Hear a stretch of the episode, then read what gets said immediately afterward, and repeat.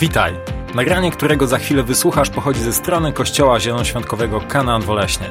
Życzymy Ci dobrego odbioru.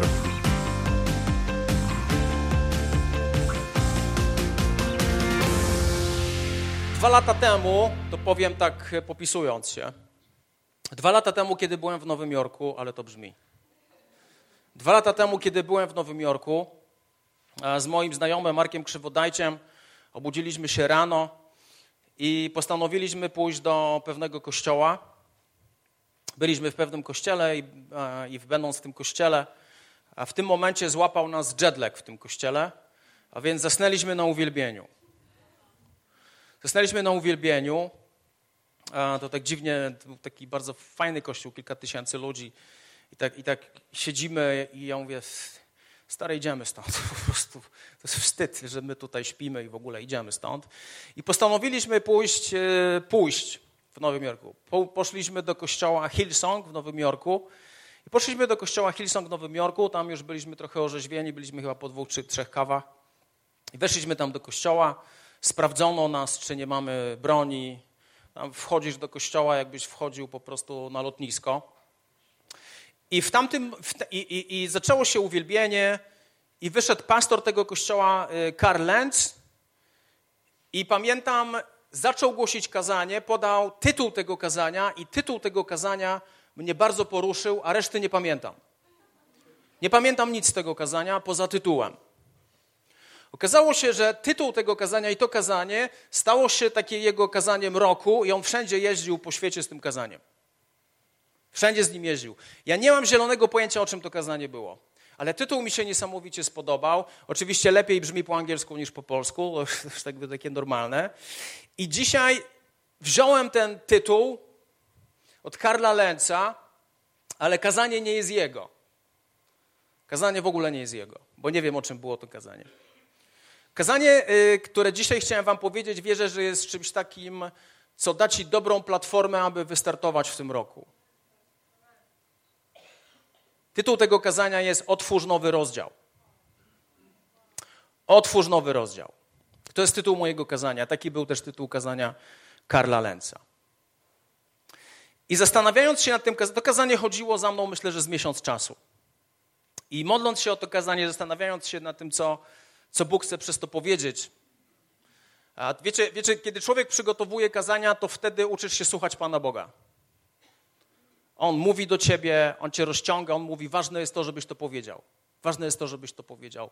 I sobie zapisujesz wszystko to, co Bóg gdzieś mówi do ciebie, i to, to jest zawsze taka fascynująca podróż. Czasami to zabiera trzy godziny, czasami to zabiera jeden dzień, a czasami to zabiera tydzień. To zależy od tego, e, jak Bóg chce z Tobą się komunikować w danym tygodniu. A więc mówiąc o tym, otwórz nowy rozdział, na samym początku chciałbym Wam powiedzieć, jak Bóg działa.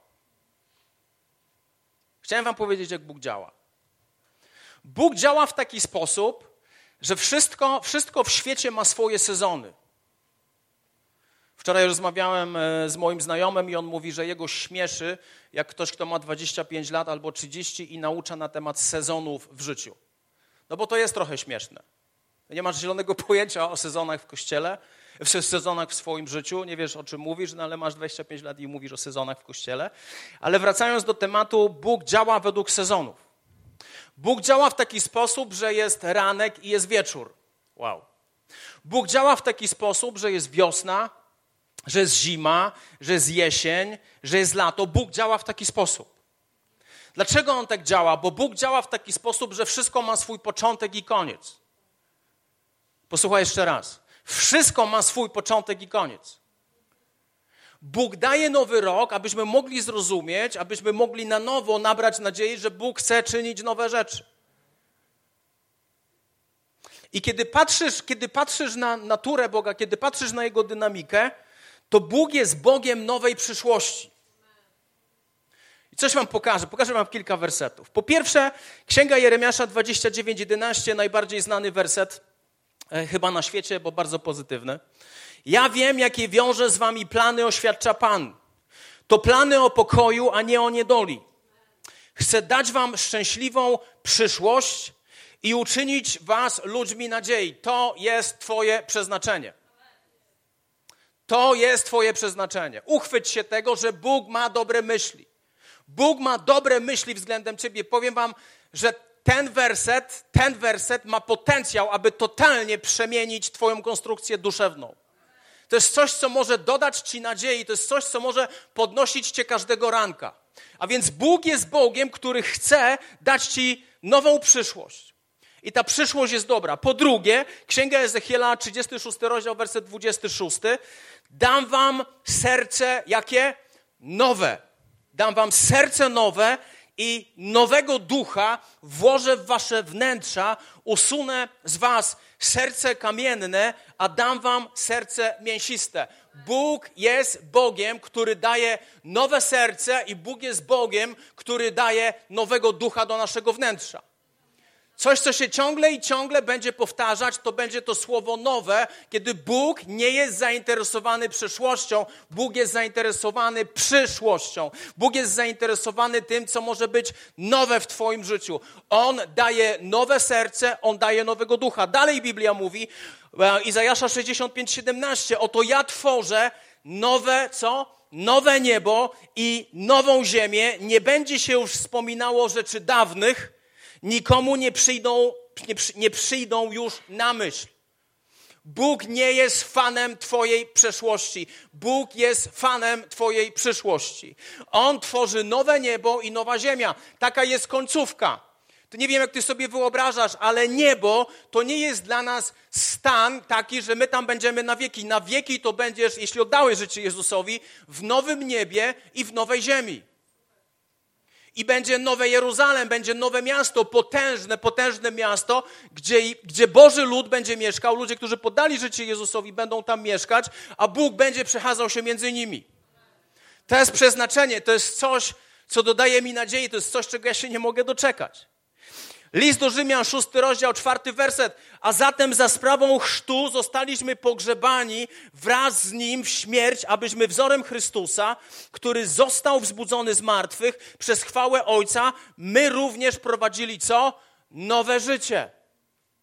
To jest ciągle w mentalności Boga. Nowe, nowe, nowe, nowe, nowe, nowe. Bóg chce, abyś prowadził nowe życie. Oddałeś życie Jezusowi, ochrzciłeś się. Bóg chce, abyś prowadził nowe życie.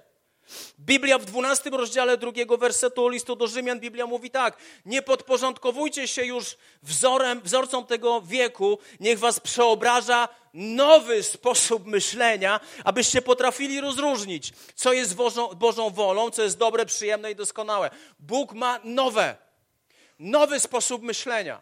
Bóg chce, abyś myślał w nowy sposób. Dalej Biblia mówi o tym, księga, y, list, y, Ewangelia Jana, trzeci rozdział, siódmy werset. Nie dziw się, że ci powiedziałem, musicie się na nowo narodzić. Moment poddania życia Jezusowi to jest moment, kiedy rodzisz się na nowo. Kiedy Twój duch w Twoim wnętrzu zaczyna żyć, rodzi się na nowo, zostaje wzbudzony do życia, ponieważ Duch Święty zaczyna mieszkać w Tobie. I to się nazywa nowonarodzeniem. I Jezus mówi: nie, nie ujrzysz Królestwa Bożego, jeśli nie narodzisz się na nowo. Drugi list do Koryntian, trzeci rozdział, szósty werset. To On nas przygotował, byśmy byli sługami nowego, nowego przymierza. Nie litery, lecz ducha, gdyż litera zabija, duch natomiast ożywia. Jezus, Paweł mówi, że Jezus przyniósł nowe przymierze. On ustanowił nowe przymierze. Stare jest przedawnione i nas nie obowiązuje w żaden sposób. My jesteśmy ludźmi nowego przymierza. Człowiek, który oddaje życie Jezusowi, jest częścią nowego przymierza. Kiedy Jezus zapłacił swoim życiem, swoją przelaną krwią, abyś ty mógł być zbawiony, uzdrowiony i uwolniony. To jest nowe przymierze. Dalej Biblia mówi o tym w drugim liście do Koryntian 5:17. Tak więc, kto jest w Chrystusie, nowym jest stworzeniem, stare przeminęło i nastałe nowe. Bóg jest Bogiem tego, co jest nowe. Rok 2019, jutro jak przyjdziesz, to się dowiesz, że to był fenomenalny rok. To był rok potężnego Bożego błogosławieństwa, potężnego Bożego wzrostu. To był rok, kiedy Bóg potwierdził swoją wizję. To był rok, kiedy Bóg uzdrawiał ludzi ze schizofrenii, z raka, z przepuklin i wielu, wielu chorób. Jest tego około setki, kiedy Bóg uzdrawiał ludzi. Ale to już nie jest nowe, to już jest stare. My się cieszymy, my dziękujemy, jesteśmy wdzięczni, ale Bóg ma nowe. Pójdziesz dzisiaj spać, obudzisz się rano i masz nowy dzień i jest nowa łaska, nowe miłosierdzie, nowe błogosławieństwo, jest nowy dzień. Skończy się zima, przychodzi nowy sezon. Skończy się wiosna, pojawi się nowy sezon. Skończy się lato, pojawi się nowy sezon. Skończy się jesień, pojawi się nowy sezon. Bóg jest Bogiem tego, co jest nowe. Nadzieja jest zakorzeniona w tym, co jest nowe. Druga rzecz. To, co nie pozwala bardzo często nam wejść w to, co jest nowe, to już mniej więcej wygląda tak, jakbyśmy czytali książkę. Nie wiem, czy czytałeś kiedyś tak książkę. I zatrzymujesz się na jednej stronie, i zatrzymujesz się na tej jednej stronie, i zatrzymujesz się i ciągle ją czytasz. Ciągle czytasz jedną stronę. Ciągle czytasz jedną stronę. Bóg mówi: idź dalej przerzuć to, przerzuć, przerzuć, przerzuć tą książkę, przerzuć kolejną stronę. Ja mam nowe dla ciebie, a my siedzimy ciągle w tym starym. My ciągle siedzimy i patrzymy i czytamy to w tej i we w te, czytamy od początku do końca, jakby coś się miało zmienić. To, co jest stare, się nie zmieni. I to, co chcę Wam teraz powiedzieć, to jest stara przeszłość, która nic nie zmienia. Pierwsza księga Samuela, 16 rozdział, pierwszy werset. To jest sytuacja, kiedy Bóg odrzucił króla Saula. Saul był nieposłusznym człowiekiem względem Pana Boga, a więc Bóg go odrzucił jako króla Izraela. I prorok Samuel, który był prorokiem w tamtych czasach, robi taką rzecz. Potem Pan powiedział do Samuela: Jak długo będziesz bolał nad Saulem, że ja odrzuciłem go jako króla Izraela? Napełnij swój róg olejem i idź. Posyłam cię do Jesaja, Betlejemczyka, gdyż wśród jego synów upatrzyłem sobie przyszłego króla. To, to, jest, fascynuj, to jest fascynujący werset. Samuel płacze nad tym, że Bóg odrzucił Saula jako króla. Podkreślam, że odrzuci, nie odrzucił go jako człowieka, ale odrzucił go jako króla. Odrzucił go jako człowieka, który spełniał tą funkcję, który został wybrany do pewnych rzeczy, ale odrzucił go z tej funkcji, ponieważ Saul był nieposłuszny. I to spowodowało, że Samuel ciągle płakał. Ciągle płakał. To było tak, jakby zatrzymał się w swojej książce i czytał ciągle jedną stronę, w te i we w i płakał nad tym, że Saul został odrzucony przez Pana Boga. I Bóg mówi do Saula, Bóg mówi do Samuela taką rzecz. Jak długo będziesz płakał? I mówi do niego kolejną rzecz. Idź i namaść. Idź, wyrusz i namaść. Jednego z synów Jesajego Betlejemczyka, bo wśród jego synów upatrzyłem sobie kolejnego króla. Widzisz, to, to, jest, to się wydaje naturalne, że my płaczemy nad pewnymi rzeczami i to wygląda nawet fajnie i, i święcie i jest super, to wygląda religijnie, to wygląda pobożnie. Ale możesz zatrzymać się na jednej stronie i nigdy nie pójść dalej i ciągle czytasz to od początku do końca i nic się nie zmienia. I skończyć czytać tą stronę i czytasz ją od początku. Tak się dzieje, kochani, kiedy w naszej przeszłości za domowi się nieprzebaczenie. Widziałem tyle ofiar nieprzebaczenia, że powiedziałem sobie w moim życiu, nie stać mnie na nieprzebaczenie. Nie stać mnie w moim życiu na nieprzebaczenie. Nie stać mnie na to. Szkoda mojego życia, szkoda mojego serca, ponieważ nieprzebaczenie powoduje, że jestem totalnie uziemiony. Że Bóg nie będzie się poruszał przez moje życie tak, jak On tego chce, kiedy w moim życiu jest nieprzebaczenie. Myślę, że małżeństwo jest genialnym miejscem, kiedy uczysz się przebaczenia i nieprzebaczenia. To jest genialne miejsce. Każdego dnia musisz się uczyć przebaczenia i każdego dnia możesz doświadczyć tego, co to oznacza nie przebaczyć. To się nie opłaca. I są ludzie, którzy w swoim nieprzebaczeniu ciągle i ciągle czytają od początku do końca, są zakotwiczeni w tym, nie potrafią pójść dalej, bo są w tym miejscu. Bo nie ma przebaczenia w Twoim życiu. To, co może spowodować również to, że się zatrzymasz i będziesz płakał jak Samuel, to jest kwestia zranienia w Twoim życiu. Było 365 dni w roku 2019. Myślę, że zostałem zraniony ze 100 razy. Oczywiście to ja mówię o tych, którzy tu nie przyszli, nie, nie o was. Absolutnie nie. Nie, nie was tu, tych, tych tu nie ma. Ale i ty pewnie też zostajesz zraniony. To jest zawsze tak w kościele, kto kiedyś został zraniony i wszyscy podnoszą rękę i teraz zastanawiasz się, to kto poranił tych ludzi? Kto poranił tych ludzi? Kto ich zranił? Kto ich zniszczył? Kwestia, jeśli nie, rozpraw, nie rozprawisz się ze zranieniem, to jesteś człowiekiem, który czyta w swoim życiu ciągle jedną i tą samą stronę. Nie idziesz dalej. Bóg mówi: przerzuć tą stronę, idź dalej. Nie, ty jesteś zraniony. I gadasz o tym zranieniu, i gadasz, jak on cię skrzywdził, jak ona cię skrzywdziła, jak oni cię skrzywdzili, jak ty już nie możesz, jak oni cię potraktowali, i żyjesz w zranieniu. Zranienie nigdy nie wytworzy Bożego owocu w Twoim życiu. Zranienie nigdy nie wprowadzi Cię w to, co Bóg ma nowe dla Twojego życia.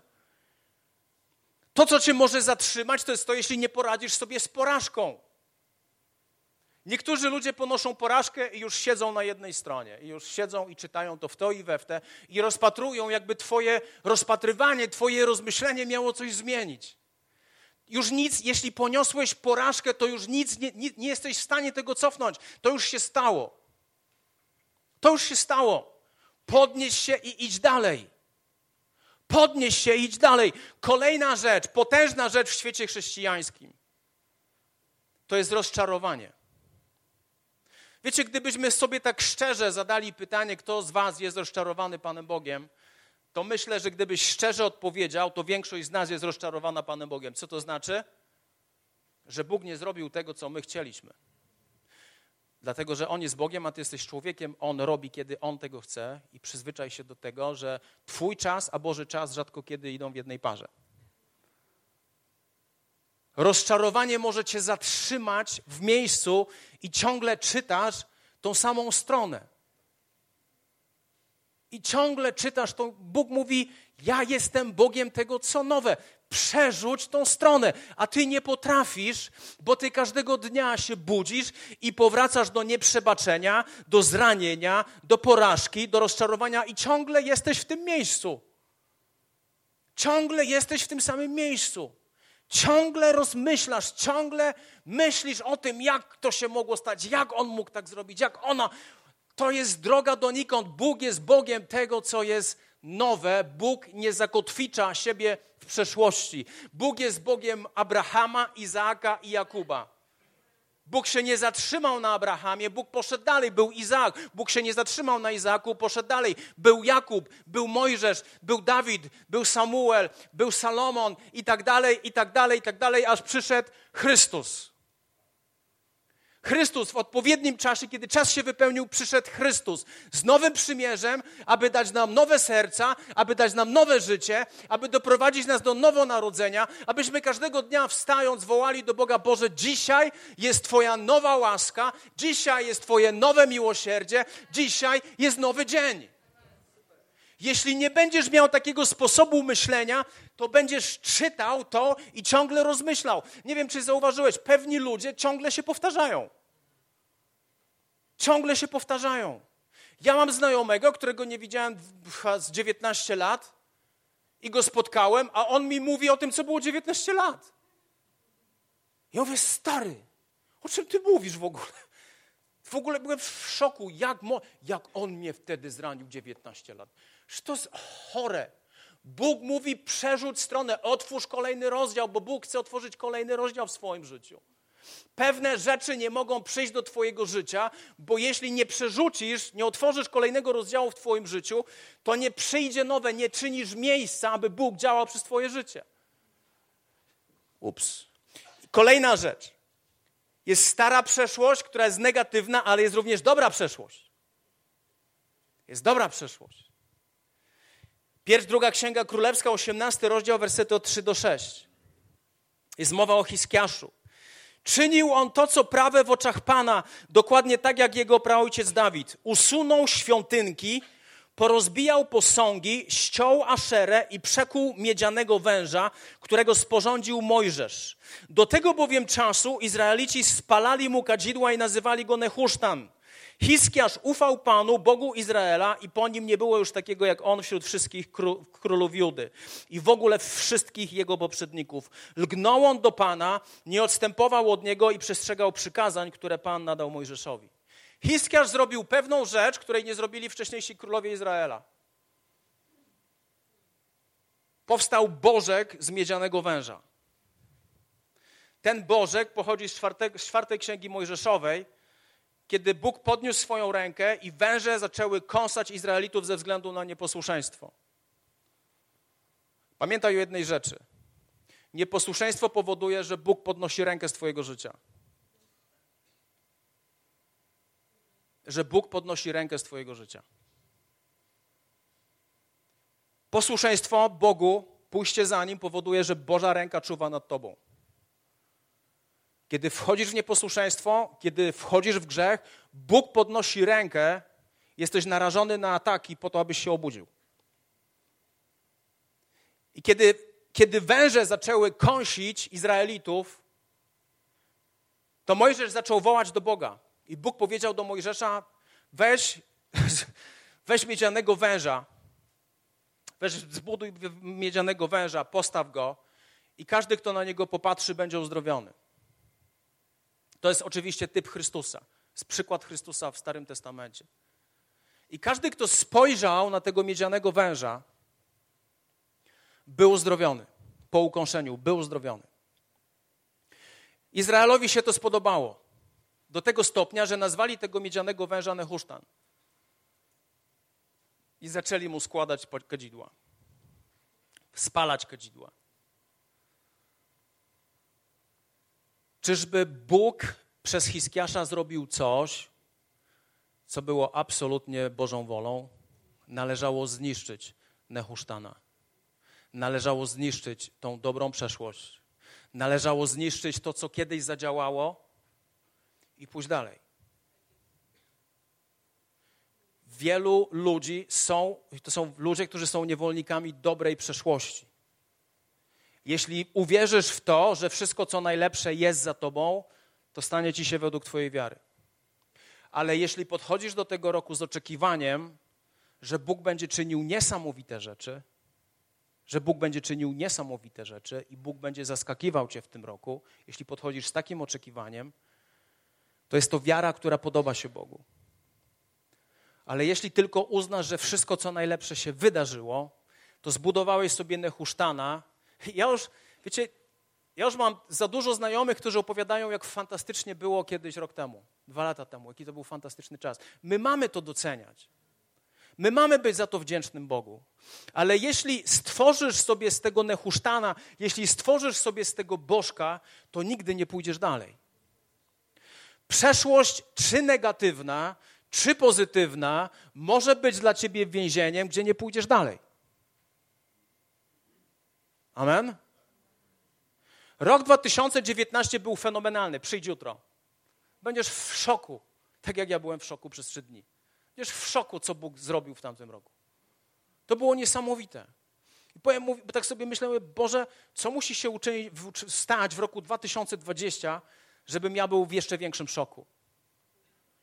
I mogę sobie stworzyć nehusztana z roku 2019. Mogę sobie z mojego uzdrowienia zrobić nehusztana i wszystkim o tym mówić. Wow. A mogę być człowiekiem, który idzie dalej, aby przestać być tylko błogosławionym, ale stać się błogosławieństwem dla innych. Nie chcę funkcjonować w niewoli starej przeszłości, nie chcę, w złej przeszłości, nie chcę funkcjonować w niewoli dobrej przeszłości, która jest bardzo subtelna. Bardzo subtelna. A więc co Bóg ma dla nas? Bóg ma dla nas nową, dobrą przyszłość.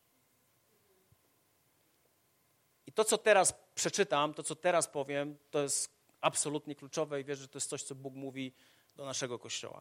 Pierwsza Księga Królewska, 17 rozdział, werset drugi. Wtedy Pan skierował do niego takie słowo, jest mowa o Eliaszu. Odejdź stąd, udaj się na wschód i ukryj się nad potokiem Kerit, który płynie po wschodniej stronie Jordanu. Z tego potoku będziesz pił wodę, a krukom nakazałem, nakazałem, aby cię tam żywiły. Eliasz postąpił według słowa Pana. Poszedł i zamieszkał nad potokiem Kerit, który płynie po wschodniej stronie Jordanu. Kruki przyniosły mu tam chleb i mięso rano i wieczorem, a wodę pił z potoku. Lecz po upływie pewnego czasu potok wysechł, ponieważ w kraju nie było deszczu. Wtedy Pan skierował do niego słowo tej treści: Wstań, udaj się do Sarepty, która należy do Sydonu, i tam zamieszkaj. Oto nakazałem tam pewnej kobiecie, wdowie, aby cię utrzymywała. To jest jeden z fragmentów mojego życia. Ten fragment wytycza drogę w moim życiu. I wierzę, że w tym kościele tak samo. Bóg powiedział do Eliasza w czasie suszy, która była w Izraelu, powiedział: idź nad potok Kerit. Kerit to jest hebrajskie, to, jest, to pochodzi od hebrajskiego słowa, które brzmi kerit, które oznacza odciąć, przyciąć. Więc Bóg mówi do Eliasza: idź nad potok Kerit, który oznacza odciąć, przyciąć, i z tego potoku będziesz pił wodę, a kruki będą cię karmiły. Kruki będą przywoziły ci mięso i chleb. Kruki będą cię karmiły. On usłyszał takie słowo i sobie myślę zawsze, co myślał Eliasz. Aha, okej, okay. okej, okay. tak. Dobra, to ten, ten kerit to ma jakiś sens, że będę pił stamtąd wodę, okej. Okay. Natomiast kruki, kruki będą mi przywoziły jedzenie. No okej. Okay. I myślę, że, że Eliasz zastanawiał się nad tym, co to będzie, kiedy on tam pójdzie. Co to będzie, kiedy on będzie posłuszny temu, co Bóg mu, powie, co Bóg mu powiedział? Co to będzie? Bo wydaje się to być nielogiczne, prawda? Bo wydaje się to być nielogiczne. I rzeczywiście Biblia nam mówi o tym, że Eliasz poszedł na ten potok Kerit, który oznacza odciąć, przyciąć. I tam kruki przynosiły mu chleb i mięso rano i wieczorem. Eliasz doświadczał cudu zaopatrzenia. Dlaczego Eliasz doświadczał cudu zaopatrzenia i czego Bóg chciał nauczyć, nauczyć Eliasza nad potokiem Kerit? Po pierwsze, kochani, po pierwsze, kochani, Bóg chciał nauczyć Eliasza jednej rzeczy, że potok Kerit Eliaszu, Eliaszu to jest miejsce, kiedy przycinam zależność od czegokolwiek innego poza mną. To jest miejsce, gdzie odcinam jakąkolwiek ufność i zależność poza mną. Kiedy pójdziesz nad potok Kerit, jedyne co będziesz miał, to będziesz miał moje słowo, które ja ci powiedziałem, i albo w to uwierzysz i będziesz to oglądał, albo w to nie uwierzysz.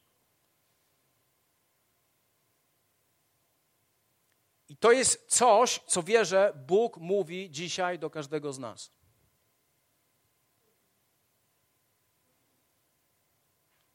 Bóg dzisiaj mówi do nas, kochani, żebyś zrobił to, co On do ciebie mówi. Żebyś zrobił to, co On do ciebie mówi. Bóg mówi: Chcę, żebyś poszedł do miejsca, kiedy będziesz totalnie uzależniony ode mnie. Wiecie, co to znaczy być uzależnionym tylko od Boga? To znaczy być posłusznym temu, co On mówi. To dlaczego rok 2019 jest, był rokiem, kiedy Bóg działał potężnie. To są potężne rzeczy, które usłyszysz jutro. To jest, to jest szok. To jest to, że my jako Kościół byliśmy posłuszni temu, co On do nas powiedział i wierzę, że poszliśmy na potokerit. Zrobiliśmy coś, co jest nielogiczne. Zrobiliśmy coś, co jest nielogiczne. Zrobiliśmy coś, co się w ogóle logicznie nie klei.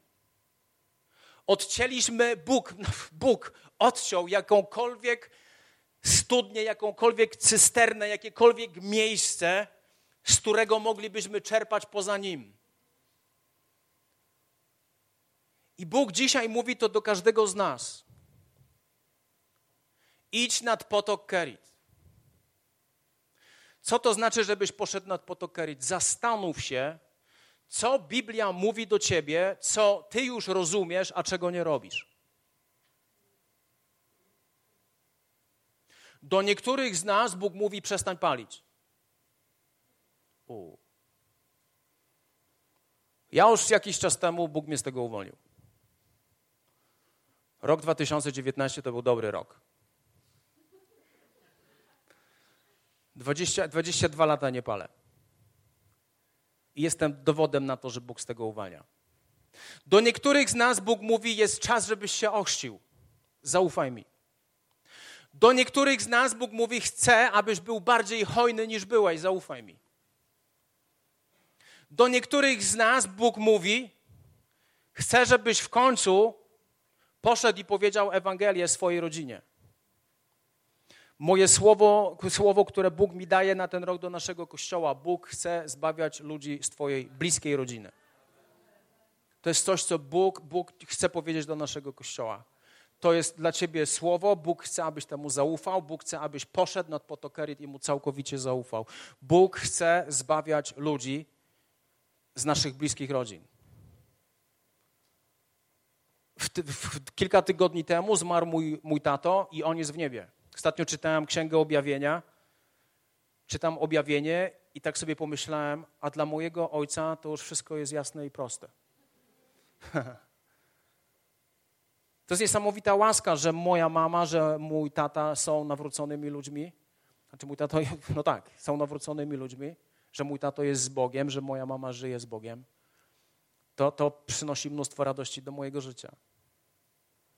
Oczywiście jest jeszcze moje rodzeństwo, jest jeszcze moja bliska rodzina, którzy nie znają Boga, którzy nie idą za Bogiem, ale biorę to, co Bóg mówi. Bóg chce zbawiać bliskich w tym roku. Bóg chce zbawiać naszych bliskich. Naszych mężów, nasze żony, Bóg chce nas zbawiać. Bóg chce zbawiać tych ludzi. Co Bóg do ciebie mówi? Co Bóg do ciebie mówi? Co Bóg do ciebie Zaufaj temu, co On chce do ciebie powiedzieć. To jest, to jest, to jest rok, kiedy Bóg chce, abyś mu całkowicie zaufał. Bez dwóch zdań Bóg wysyła praszkę nad potok Kerit. Oni jeszcze tego nie wiedzą, ale ja już o tym wiem. To jest potok Kerit. To jest miejsce totalnej zależności od Niego. Bóg ich tam wysyła już za tydzień. Potok Kerit. Jaki, jak, jak, co, co Bóg mówi do ciebie? Gdzie, gdzie masz pójść nad potok Kerit? Co Bóg mówi do ciebie? Jeśli, jeśli nasze życie staje się nudne, chrześcijaństwo staje się nudne, jeśli my nie, nie idziemy za tym, co Bóg mówi do nas. Ja wiem, kiedy my mówimy, że Bóg mówi do nas, myślimy o jakichś mistycznych rzeczach. Bóg mówi przez swoje słowo. Głównie mówi do nas przez swoje słowo. Popatrz na słowo, popatrz, co Bóg mówi do ciebie, a czego nie robisz, albo co robisz, a powinieneś zacząć, albo powinieneś przestać. Co Bóg do ciebie mówi? Zaufaj Panu Bogu, idź nad potok Kerit. Kiedy Bóg mówi do ciebie, kiedy Bóg daje ci słowo, to jest bardzo ważne. Kiedy Bóg porusza cię czymś, że masz coś zrobić, tobie, jeśli Bóg mówi, to powinno ci się to wydawać niemożliwe. Kiedy Bóg mówi, powinno ci się to wydawać niemożliwe. Ale kiedy Bóg mówi swoje słowo, to wraz z Jego słowem idzie moc, aby to się stało. Idzie moc, aby to się wypełniło za każdym Jego słowem. Kiedy Bóg mówi, to daje Ci siłę i możliwość, aby to się wypełniło. W języku greckim to jest bardzo ważne. Słowo czas ma dwa określenia. Pierwsze greckie słowo, które określa czas, to jest chronos. Od tego pochodzi słowo, które nazywa się chronologią. To jest czas, który zasuwa, idzie do przodu. Tego się nie da zatrzymać, tego się nie da cofnąć. Ten czas po prostu płynie. Ale drugie słowo, greckie słowo określające czas, jest niesamowicie istotne i kluczowe dla nas. To jest greckie słowo kairos. Teraz posłuchaj mnie uważnie. Kiedy Bóg mówi do ciebie jakieś słowo, to wraz z tym słowem idzie kairos. Co to oznacza? Kairos oznacza, że jest to właściwy moment, jest to właściwa możliwość i właściwa okoliczność, abyś to zrobił.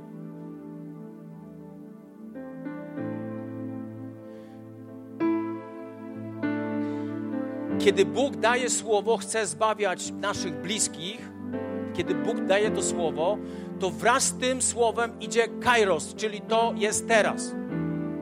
To jest teraz. Bóg chce te rzeczy czynić w tym roku. To jest teraz. To nie jest chronos, czas, który płynie. To jest kairos, to jest ten moment, kiedy Bóg otwiera okno. To jest ten moment, kiedy Bóg otwiera możliwość. Czasami, kiedy jest chronos, kiedy modlisz się o uzdrowienie i nagle ten czas płynie i nagle przychodzi Boży kairos. Moment, ten dzień, kiedy zostajesz uzdrowiony.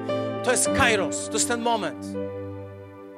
Izrael, kiedy chodził dookoła Jericha, chodzili pierwszy dzień, drugi dzień, trzeci dzień, czwarty, chodzili w kółko, aż nas nadszedł ostatni dzień i wszystkie poprzednie dni to był chronos.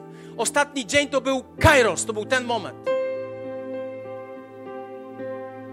To był ten moment, kiedy Boże Słowo się wypełniło. To Boże Słowo było zapowiedziane i ono się wypełniło. I mój kochany, w Twoim i moim życiu czasami się pojawia kairos, aby zrobić pewne rzeczy. Kairos pojawia się wtedy, kiedy Bóg daje słowo do Twojego życia, kiedy czytasz, to Cię porusza, to wraz z Jego słowem przychodzi kairos. Rozumiecie to? Okej. Okay. Łukasza 19, rozdział 41, werset. Gdy się zbliżył, mowa o Jezusie i zobaczył miasto, zapłakał nad nim i powiedział: O miasto, gdybyś i ty w tym dniu poznało drogę, którą, która prowadzi do pokoju, lecz jest ona teraz zakryta przed tobą, bo oto nadejdą, nadejdą dni. Bóg mówi o, Jezus mówi o Jerozolimie w których twoi wrogowie usypią wokół ciebie wał, otoczą cię, uderzą, uderzą cię zewsząd, powalą wraz z twoimi mieszkańcami i nie pozostawią w tobie kamienia na kamieniu, ponieważ zabrakło ci rozpoznania Kairos. Kairos odwiedzin Bożych u ciebie.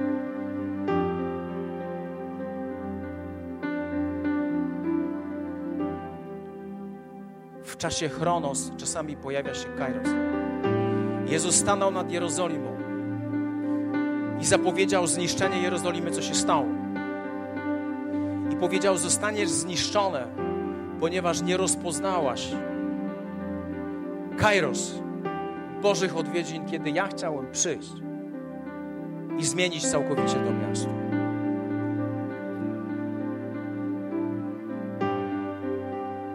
Bóg na ten rok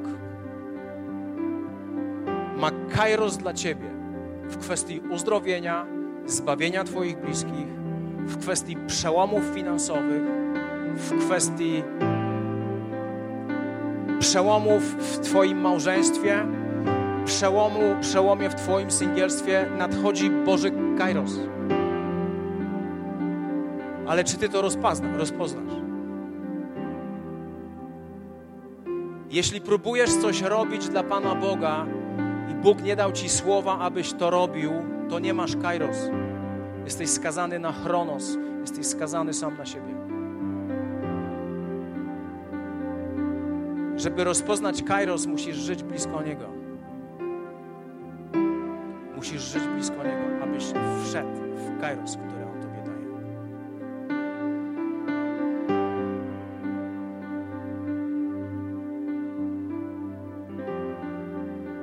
Co Bóg mówi do Ciebie dzisiaj? Jeśli to jest dla Ciebie logiczne, jeśli dla Ciebie to jest do wykonania, prawdopodobnie to nie jest od Boga. Dla ciebie łatwe i przyjemne. Bóg ma kairos dla ciebie. Spodziewaj, spodziewaj się Bożych kairos. Żeby rozpoznać Bożych, Bożego kairos w swoim życiu, musisz żyć blisko Boga. Relacja z Nim jest absolutnym kluczem. Kairos. Kiedy ludzie zostają zbawieni, to nadchodzi ich kairos. To jest ten moment, kiedy Bóg otwiera ich serca. Niektórzy ludzie chodzą tutaj do kościoła miesiącami, latami i nie ma kairos dla nich. Tylko, że, że nie, ma, nie ma szczerego pragnienia w nich, aby poznać Boga. Nie ma, nie ma, nie ma niczego, co mogłoby otworzyć to kairos nad nimi. Kairos dla Twojego życia. Chciałbym zaprosić Cię do przodu.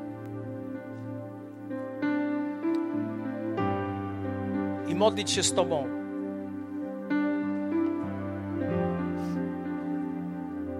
Trzy rzeczy. Po pierwsze, abyś rozprawił się ze swoją przeszłością. Abyś przerzucił kolejną stronę, abyś otworzył nowy rozdział. Takie chrześcijaństwo, kochani, jeśli patrzysz na jedną stronę, już znasz ją na wylot, to już jest nudne, to już jest przewidywalne, to już jest. Co tu, się, tu się, co tu się ma wydarzyć? Jeszcze ty już to znasz na wylot. Bóg mówi: przerzuć kolejną stronę. Otwórz kolejny rozdział, przerzuć kolejną stronę. I zobacz, co mam dla ciebie. I zobacz, co mam dla ciebie. Bóg otwiera kairos dla ciebie. Czy rozpoznasz ten kairos, który przychodzi na ciebie? Przybliżysz się do Boga i, i zobaczysz i rozpoznasz kairos i Bóg powie, chcę, żebyś w to wszedł. Jakie jest słowo, które Bóg do ciebie mówi? Jakie jest słowo, które Bóg do ciebie kieruje? Idź za tym. Nie zatrzymuj się na przeszłości. Nie zatrzymuj się na przeszłości. Ani na tej złej, która cię zniszczy, ani na tej dobrej, która wytwarza w tobie pychę i tylko ty się czujesz lepszy, a wszyscy się przypatrują, ale dlaczego ty się czujesz lepszy? To jest bez sensu. Wszystko, co najlepsze jest przed nami. Wszystko, co najlepsze jest przed nami. Jeśli chcesz pożegnać się z przeszłością, zapraszam Cię do przodu. To po pierwsze. Po drugie, jeśli wiesz, co Bóg do ciebie mówi, a ciągle tego nie robisz, bo się boisz, bo nie wiesz, co to będzie, to chcę się o ciebie modlić. Abyś nabrał odwagi, abyś nabrał wiary, że to się stanie. I po trzecie, jeśli nie rozpoznajesz kairos w swoim życiu, jeśli nie rozpoznajesz tego czasu, tego Bożego czasu w swoim życiu, chciałbym, żebyś również wyszedł do przodu. Ja wierzę, że Bóg chce działać w naszym życiu. Zapraszam Was, abyście wstali. To jest czas pożegnania się z pewnymi rzeczami. To jest czas powiedzenia pewnym rzeczom do widzenia. To jest czas przywitania też pewnych rzeczy. Jeśli to Cię porusza, jeśli te trzy rzeczy Cię poruszają, to zapraszam Cię, abyś wyszedł do przodu. Szybko wyjść do przodu i chcę się modlić o Ciebie, aby Bóg przyszedł w swojej łasce, aby Bóg przyszedł w swojej mocy. Bóg jest Bogiem nowych rzeczy. On nie jest, e, on nie jest Bogiem, który chce zatrzymać się w miejscu i czekasz, i stoisz, i czekasz, i czekasz, i czekasz, i myślisz, że coś się zmieni czytasz tą samą stronę, Bóg mówi idź dalej, idź dalej, idź dalej. Proponuję, żebyście jeszcze dalej tam stanęli za, za, za sceną. To był żart, to był żart. Chodźcie tu bliżej. To jest też czas dla niektórych z nas w tym roku, że, żebyś się ościł. To jest ten czas. Nie, nie zwlekaj z tym, to jest bez sensu. To jest w ogóle bez sensu. Bóg mówi, wyjść do przodu. Ok, jeśli jeszcze chcesz wyjść, to jest jeszcze ten moment, to jest jeszcze ten czas, by się modlić u Ciebie. Okej. Zaczynamy się modlić najpierw o naszą przeszłość.